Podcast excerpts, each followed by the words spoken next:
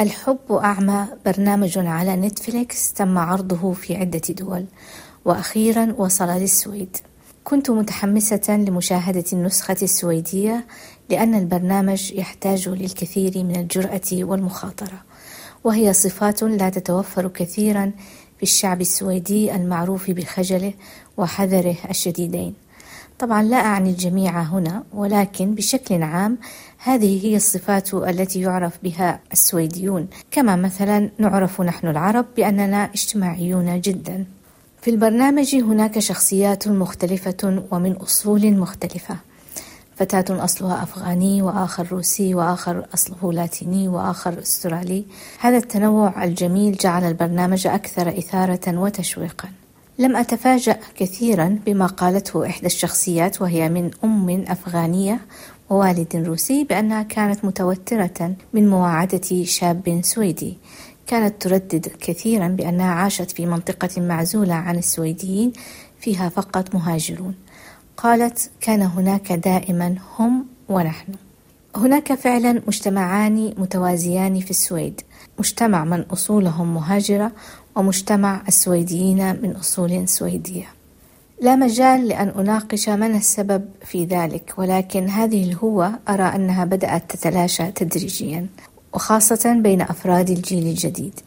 إلا أن المناطق التي فيها أثرياء نجد أنهم ما زال لديهم خوف ورفض أكبر للمهاجرين بسبب أن المناطق التي يعيش فيها المهاجرون ليست آمنة. وانتشرت فيها العصابات فأصبح للأسف هناك حكم مسبق علينا كمهاجرين رغم أن المسؤولية مشتركة.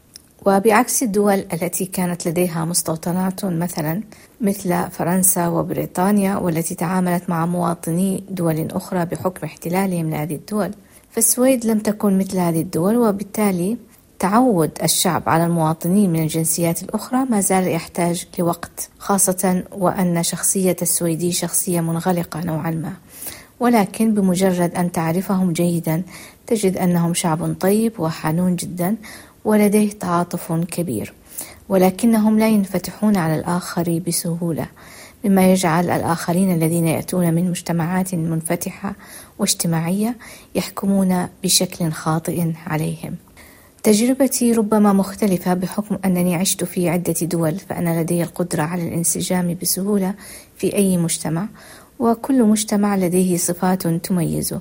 ولا أجد أن انغلاق السويديين مزعج بالنسبة لي ربما لأنني أيضا لا أحبذ أن أتعرف على الجيران مثلا.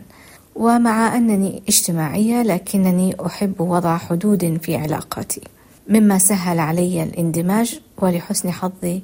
لدي صداقات مع عائلات أحتفل معهم في كل المناسبات ولا أشعر بأنني غريبة. أن تعيش في عدة دول هذا يساعدك على أن تصبح مواطنا عالميا يتقبل المجتمعات باختلافاتهم. ربما في البداية ستواجه صعوبة في التأقلم ولكن هذا سيتغير مع الوقت. ومن الأفضل أن تبدأ من عمر مبكر إن كان ذلك ممكنا وإن بدأت متأخرا فاجعل عقلك منفتحا وكن حذرا في تعاملك إلى أن تفهم مجتمعك الجديد. هند الإرياني.